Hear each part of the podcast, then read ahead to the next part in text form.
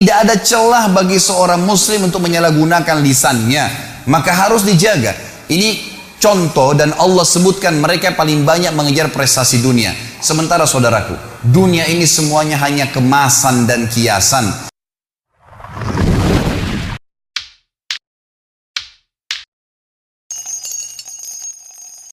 Surah ini saudaraku diberi nama oleh Allah subhanahu wa ta'ala dengan surah Al-Humazah. أعوذ بالله من الشيطان الرجيم. بسم الله الرحمن الرحيم. ويل لكل همزة لمزة. الذي جمع مالا وعدده يحسب أن ماله أخلده. كلا لينبذن في الحطمة. وما أدراك ما الحطمة؟ نار الله الموقدة التي تتلع على الأفئدة. إنها عليهم مؤصدة في عمد ممددة. Di dalam tafsir sekaligus terjemahan Wailun Berarti saudaraku seiman memiliki banyak makna yang artinya adalah kecelakaan, kehinaan, penyiksaan, kerendahan, segala macam makna yang bisa menyusahkan seseorang bergabung di masalah atau dalam kalimat wail. Seperti misalnya dalam ayat lain wailun lil mutaffifin, kecelakaan, kehancuran, kebinasaan. Bahkan ulama tafsir mengatakan nama sebuah lembah di api neraka namanya wail. Allah mengatakan wailun li kulli. Kata-kata li, kul, li ini berarti untuk dan kullu berarti semuanya. Dan kalau bergabung antara li dengan kullu berarti tidak ada pengecualian. Allah mengatakan wailun li kulli, kecelakaan, kehancuran, kebinasaan, siksaan, lembah di api neraka untuk semua, tidak terkecuali. Siapakah yang Allah ancam saudaraku? Dua kelompok. Humazatin lumazah Humaza ini kata ulama tafsir maknanya adalah alladhi ya'ibun nasu biqaulihi. Orang yang sibuk menceritakan aib orang lain dengan lisannya. Sibuk lisannya setiap hari bangun tidur sampai tidur lagi bagaimana menjatuhkan orang lain, menghina orang lain, mengeluarkan kata-kata yang mengundang murkahnya Allah dari kata-kata kemaksiatan. Tidak ada nasihat, tidak ada zikir, tidak ada baca Al-Quran. Padahal orang mukmin harus memikirkan semua yang keluar dari lisannya adalah sesuatu emas, bernilai, punya bobot sehingga dicatat dalam buku amalnya dan dia menjauhi semua kata-kata yang justru berbahaya bagi dia yang akan membuat orang lain membencinya karena kata-kata kasar atau menghina atau menjatuhkan bahkan Allah Subhanahu wa taala akan murka padanya dan kita akan dengar dalam lanjutan ayat ini bagaimana Allah mengancam orang-orang yang menyalahgunakan lisannya. Saya akan paparkan panjang lebar hadis-hadis dan berhubungan dengan hukum-hukumnya setelah membacakan umumnya ayat ini. Allah subhanahu wa ta'ala mengatakan lanjutannya lumaza. Beda antara humaza dan lumaza saudaraku hanya di awal hurufnya. Kalau humaza menggunakan ha, kalau lumaza menggunakan lam. Kalau tadi humaza alladhi ya'ibun nasu biqaulihi, orang yang sibuk menceritakan aib orang lain, menjatuhkan, menghina dengan lisannya, maka lumaza adalah alladhi ya'ibun nasu bifi'lihi. Orang yang sibuk mencontohkan aib orang lain dengan perilakunya Temannya pincang dicontohkan jalannya. Temannya cadel dicontohkan jalannya. Apa saja kekurangan dari fisik seseorang di depan matanya, maka dia jadikan sebagai bahan-bahan olokan. Sekali lagi Allah mengatakan wailun, kecelakaan, kehancuran, kebinasaan, lembah di api neraka untuk semua tidak terkecuali kelompok yang sibuk menceritakan orang lain dengan lisannya, menjatuhkan mereka, menghina mereka atau mereka mencontohkan aib orang lain dengan perilakunya. Apa yang Allah Subhanahu wa taala sebutkan tentang ciri mereka? Kata Allah Subhanahu wa taala, "Alladzi jama'a malan wa 'addada." Yang paling banyak kena dua kelompok ini adalah orang-orang yang selalu secara letterlet maknanya mengumpulkan harta dan menghitung-hitungnya. Ini terjemahan letterlet, tapi makna tafsirnya adalah orang-orang yang mengejar prestasi-prestasi dunia yang mereka mengira bahwasanya prestasi itu akan terus kekal bersama mereka. Misal, seorang ketua yayasan terus merasa dirinya akan menjadi ketua yayasan, setiap merasa ada saingan, maka dia akan berusaha menjatuhkan dengan lisan atau perilakunya. Setiap orang dicalonkan menjadi wakil rakyat, maka dia akan terus mencari aib lawannya tadi dengan cara terus menjatuhkan dia dengan lisan dan juga dengan perilakunya dan seterusnya. Semua ini adalah hal-hal yang diancam oleh Allah Subhanahu wa taala. Di dalam Islam, saudaraku, kita sangat ditekankan untuk selalu bersyukur kepada Allah kalau seandainya ada sesuatu aib pada diri orang muslim atau non muslim untuk bersyukur kepada Allah karena tidak ada pada diri kita. Sebagaimana sabda Nabi Shallallahu Alaihi Wasallam di dalam sebuah hadis yang sahih beliau mengatakan terjemahannya, kalau kalian melihat aib pada diri seseorang yang tidak ada pada diri kalian, ucapkanlah Alhamdulillahilladzi afani mimma bihi wa faddalani ala kathiri mimma khalaqa tafdila. Segala puji bagi Allah yang telah menyelamatkan saya atas apa yang dicobakan kepada orang ini dan telah memberikan kepada saya kelebihan dengan kelebihan-kelebihan yang banyak. Bukan justru menjatuhkan, bukan justru jadikan sebagai senjata untuk menghina orang lain atau bahkan menceritakan aib tersebut kepada orang lain. Saudaraku, menceritakan aib yang ada pada diri seseorang kalaupun ada namanya giba dalam agama Islam dan hukumnya haram tidak boleh Kata Nabi SAW waktu ditanya apa itu giba oleh seorang sahabat, beliau mengatakan engkau menyebutkan tentang saudaramu yang dasarnya ada padanya dan dia tidak suka diceritakan hal tersebut. Sementara kalau tidak ada padanya namanya fitnah dan fitnah lebih besar daripada pembunuhan dosanya. Tidak ada celah bagi seorang muslim untuk menyalahgunakan lisannya, maka harus dijaga. Ini contoh dan Allah sebutkan mereka paling banyak mengejar prestasi dunia. Sementara saudaraku, dunia ini semuanya hanya kemasan dan kiasan.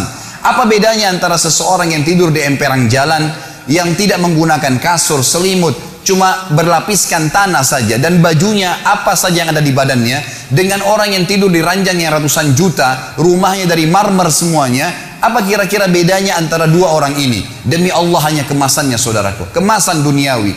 Tujuannya sama saja tidur.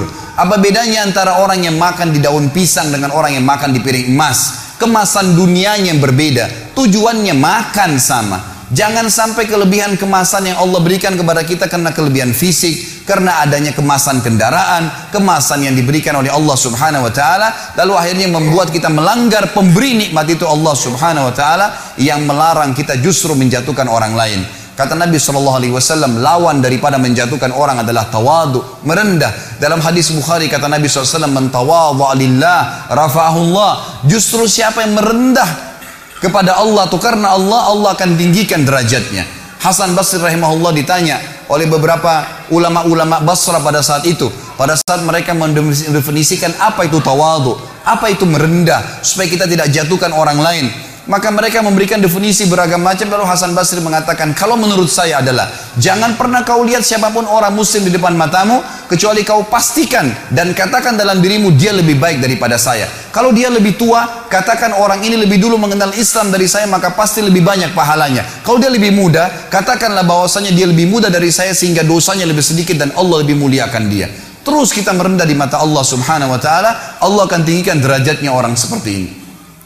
Saudara, Selanjutnya Allah mengatakan ancamannya datang. Waktu Allah mengatakan wailun likulli humazatin lumaza, kecelakaan, kehinaan, kebinasaan, lembah di api neraka untuk semua orang yang selalu menceritakan aib orang lain dan mencontohkan perilaku mereka yang mereka ciri-cirinya selalu mengejar prestasi-prestasi dunia. Yahsabu annama lahu akhlada, ya. Allah Subhanahu wa taala mengatakan setelah itu mereka mengira prestasi dunianya akan mengekalkannya di dunia. Kalla, tidak mungkin la yumbadanna fil hutama. Pasti mereka-mereka ini akan dilemparkan ke dalam hutama. Allah lanjutkan wa ma adraka mal hutama? Tahukah kalian kenapa harus kalian takut khawatir jangan sampai masuk ke hutama itu? Narullahil muqada. Apinya Allah yang mukada kata para ulama tafsir mukada maknanya adalah mustailah yang berkobar-kobar. Teman-teman sekalian renungi makna ini. Kalau seseorang di antara kita mengambil korek gas yang biasa dipakai bakar oleh teman-teman kita mungkin yang masih merokok. Kalau dia bakar jarinya 10 detik saja. Jari dibakar dengan api yang kecil sudah memar. Kalau 10 detik. Kalau satu menit teman-teman sekalian sudah cukup untuk membuat mateng tangan itu. Dan perlu operasi untuk diperbaikin. Bagaimana dengan api yang berkobar-kobar? Banyak orang tidak merenungi masalah ini. Tidak memikirkan. Tetangga saya pernah mengalami kebakaran di kota Makassar pada saat itu beberapa tahun lalu. Saya coba ingin membantu saja, tiba-tiba ada api yang sangat besar menyambar di depan mata saya. Dan saya membayangkan bagaimana kalau api itu subhanallah menyambar tubuh saya, saya bisa hangus seketika pada saat itu. Tapi Alhamdulillah Allah masih selamatkan. Tapi saya jadikan sebagai pelajaran. Api yang berkobar teman-teman sekalian luar biasa. Kalau membakar maka akan menghanguskan tubuh seseorang. Allah mengatakan narullahil mukada. Apinya Allah yang berkobar-kobar Cukup sampai situ? Ternyata tidak. Allah masih sambung lagi. allati yang api itu tattaliu alal afida sifatnya api itu kalau dibakar kakinya penghuni neraka nanti yang humaza dan lumaza ini akan membakar sampai ke jantungnya orang Arab mengatakan dalam bahasa Arab teman-teman sekalian kalau dia melihat sesuatu dia mengatakan itu saya sudah melihatnya kalau sesuatu itu sangat dekat dan mudah dijangkau tetapi kalau orang Arab ingin melihat sebuah benda, misal di pinggir lautan, ada benda yang sangat jauh di seberang pulau sana. Atau dia di atas gunung, dia ingin melihat sesuatu yang jauh. Dan itu jarang dilihat orang-orang lain. Kemudian berhasil matanya melihat, maka dia akan menggunakan kalimat ittala'tu. Saya berhasil melihatnya target yang sudah susah dilihat oleh orang lain. Makanya dalam baca buku pun dikatakan ittala'tu. Ya, saya berhasil melihat sesuatu informasi yang saya butuhkan. Allah menggunakan kosakata ini.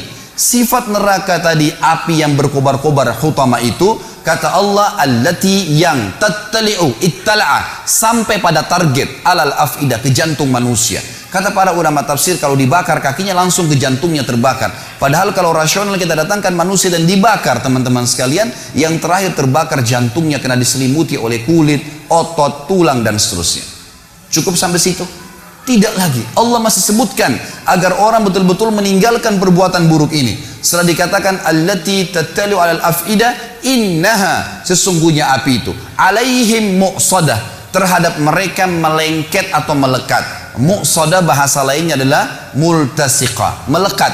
Kalau ada api teman-teman sekalian kita dilemparkan, disemprotkan api, lalu api itu tertarik kembali, kita rasakan panasnya tapi cuma sebentar. Tetapi kalau tubuh kita diberikan bensin, lalu disemprotkan api sehingga api itu melekat di tubuh kita, maka akan terus terasa panasnya. Per detiknya terasa panas. Maka Allah menggunakan kalimat ini api neraka utama tadi itu bukan hanya berkobar-kobar tapi pada saat disemprotkan ke tubuh seseorang nanti naudzubillah yang melanggar dua perbuatan melakukan dua perbuatan ini apinya akan melengket ke tubuhnya sampai terbakar baru padam api tersebut. Diulangi lagi begitu terus tidak akan pernah habis sampai dosanya dibersihkan oleh Allah Subhanahu wa taala. Dan ingat ancaman ini berlaku bagi seorang muslim yang dengan syahadatnya pun dia sudah bisa masuk surga sebenarnya tapi akan dimasukkan ke neraka. Dan ini baru satu jenis siksaan karena bahaya lisan dan contoh perilaku. Belum bicara masalah dosa zina, belum bicara masalah dosa riba, belum bicara masalah dosa durhaka dengan orang tua, ditambahkan azab-azab kepada mereka. Sangat konyol kalau orang mengatakan tidak ada masalah saya disiksa dulu neraka, toh akhirnya saya akan masuk ke dalam surga. Ini perkataan syaitan yang akan menyesatkan setiap mukmin yang akhirnya menganggap remeh dosa. Subhanallah Allah mengatakan sungguhnya api itu sampai ke dalam jantung manusia dan api itu melengket pada mereka. Inna alaihi muqsada tidak cukup sampai situ teman-teman sekalian. Allah menutup surah ini dengan kalimat kata ulama yang luar biasa. Kalimat ini menandakan siksaan yang luar biasa tidak bisa dibayangkan. Fi amadin mumaddada kata Allah. Dan mereka akan diikat di tiang-tiang yang bergelantungan. Kata ulama tafsir penutupan surah ini luar biasa kalau orang memahaminya. Rasionalnya begini kalau masjid ini kita tutup semua, tidak ada lubangnya sedikit pun. Lalu kemudian kita bakar dengan api teman-teman sekalian. Ada orang yang mau dibakar di sini, nggak diikat di tiang, dibiarkan dia berlari-lari sana sini, tapi penuh dengan api ruangan ini. Pasti dia akan mati terbakar, tapi ada jeda pada saat dia lari ke sana, dia lari ke sini, ada jeda dia tidak rasakan panasnya api. Kalau ada orang kita ikat di tiang masjid ini, lalu kita bakar, Ditutup semuanya, dia nggak bisa lari karena terikat. Juga masih ada jeda di mana dia bisa menginjak-injakkan kakinya ke lantai sehingga api dari bawah kakinya padam. Memang dia terbakar, tapi masih ada jeda di mana dia tidak rasakan panas. Tetapi teman-teman sekalian, renungi makna ayat ini namanya tadabbur, mengambil hikmah dan hukum yang Allah inginkan. Kalau kita tancapkan tiang di atas uh, atap masjid ini, ditancapkan tiang seperti misalnya tiang lampu yang besar, lalu kita ikat seseorang di situ kemudian dibakar ruangan ini, dia bergerak kiri kanan pun tetap akan merasakan panasnya api siksaan tersebut per detiknya. Dan ini kata ulama adalah makna yang luar biasa mengandalkan sudah cukup seorang muslim meninggalkan dosa ini saudara. Surah ini teman-teman sekalian mengajarkan kepada kita tentang bahayanya menyalahgunakan lisan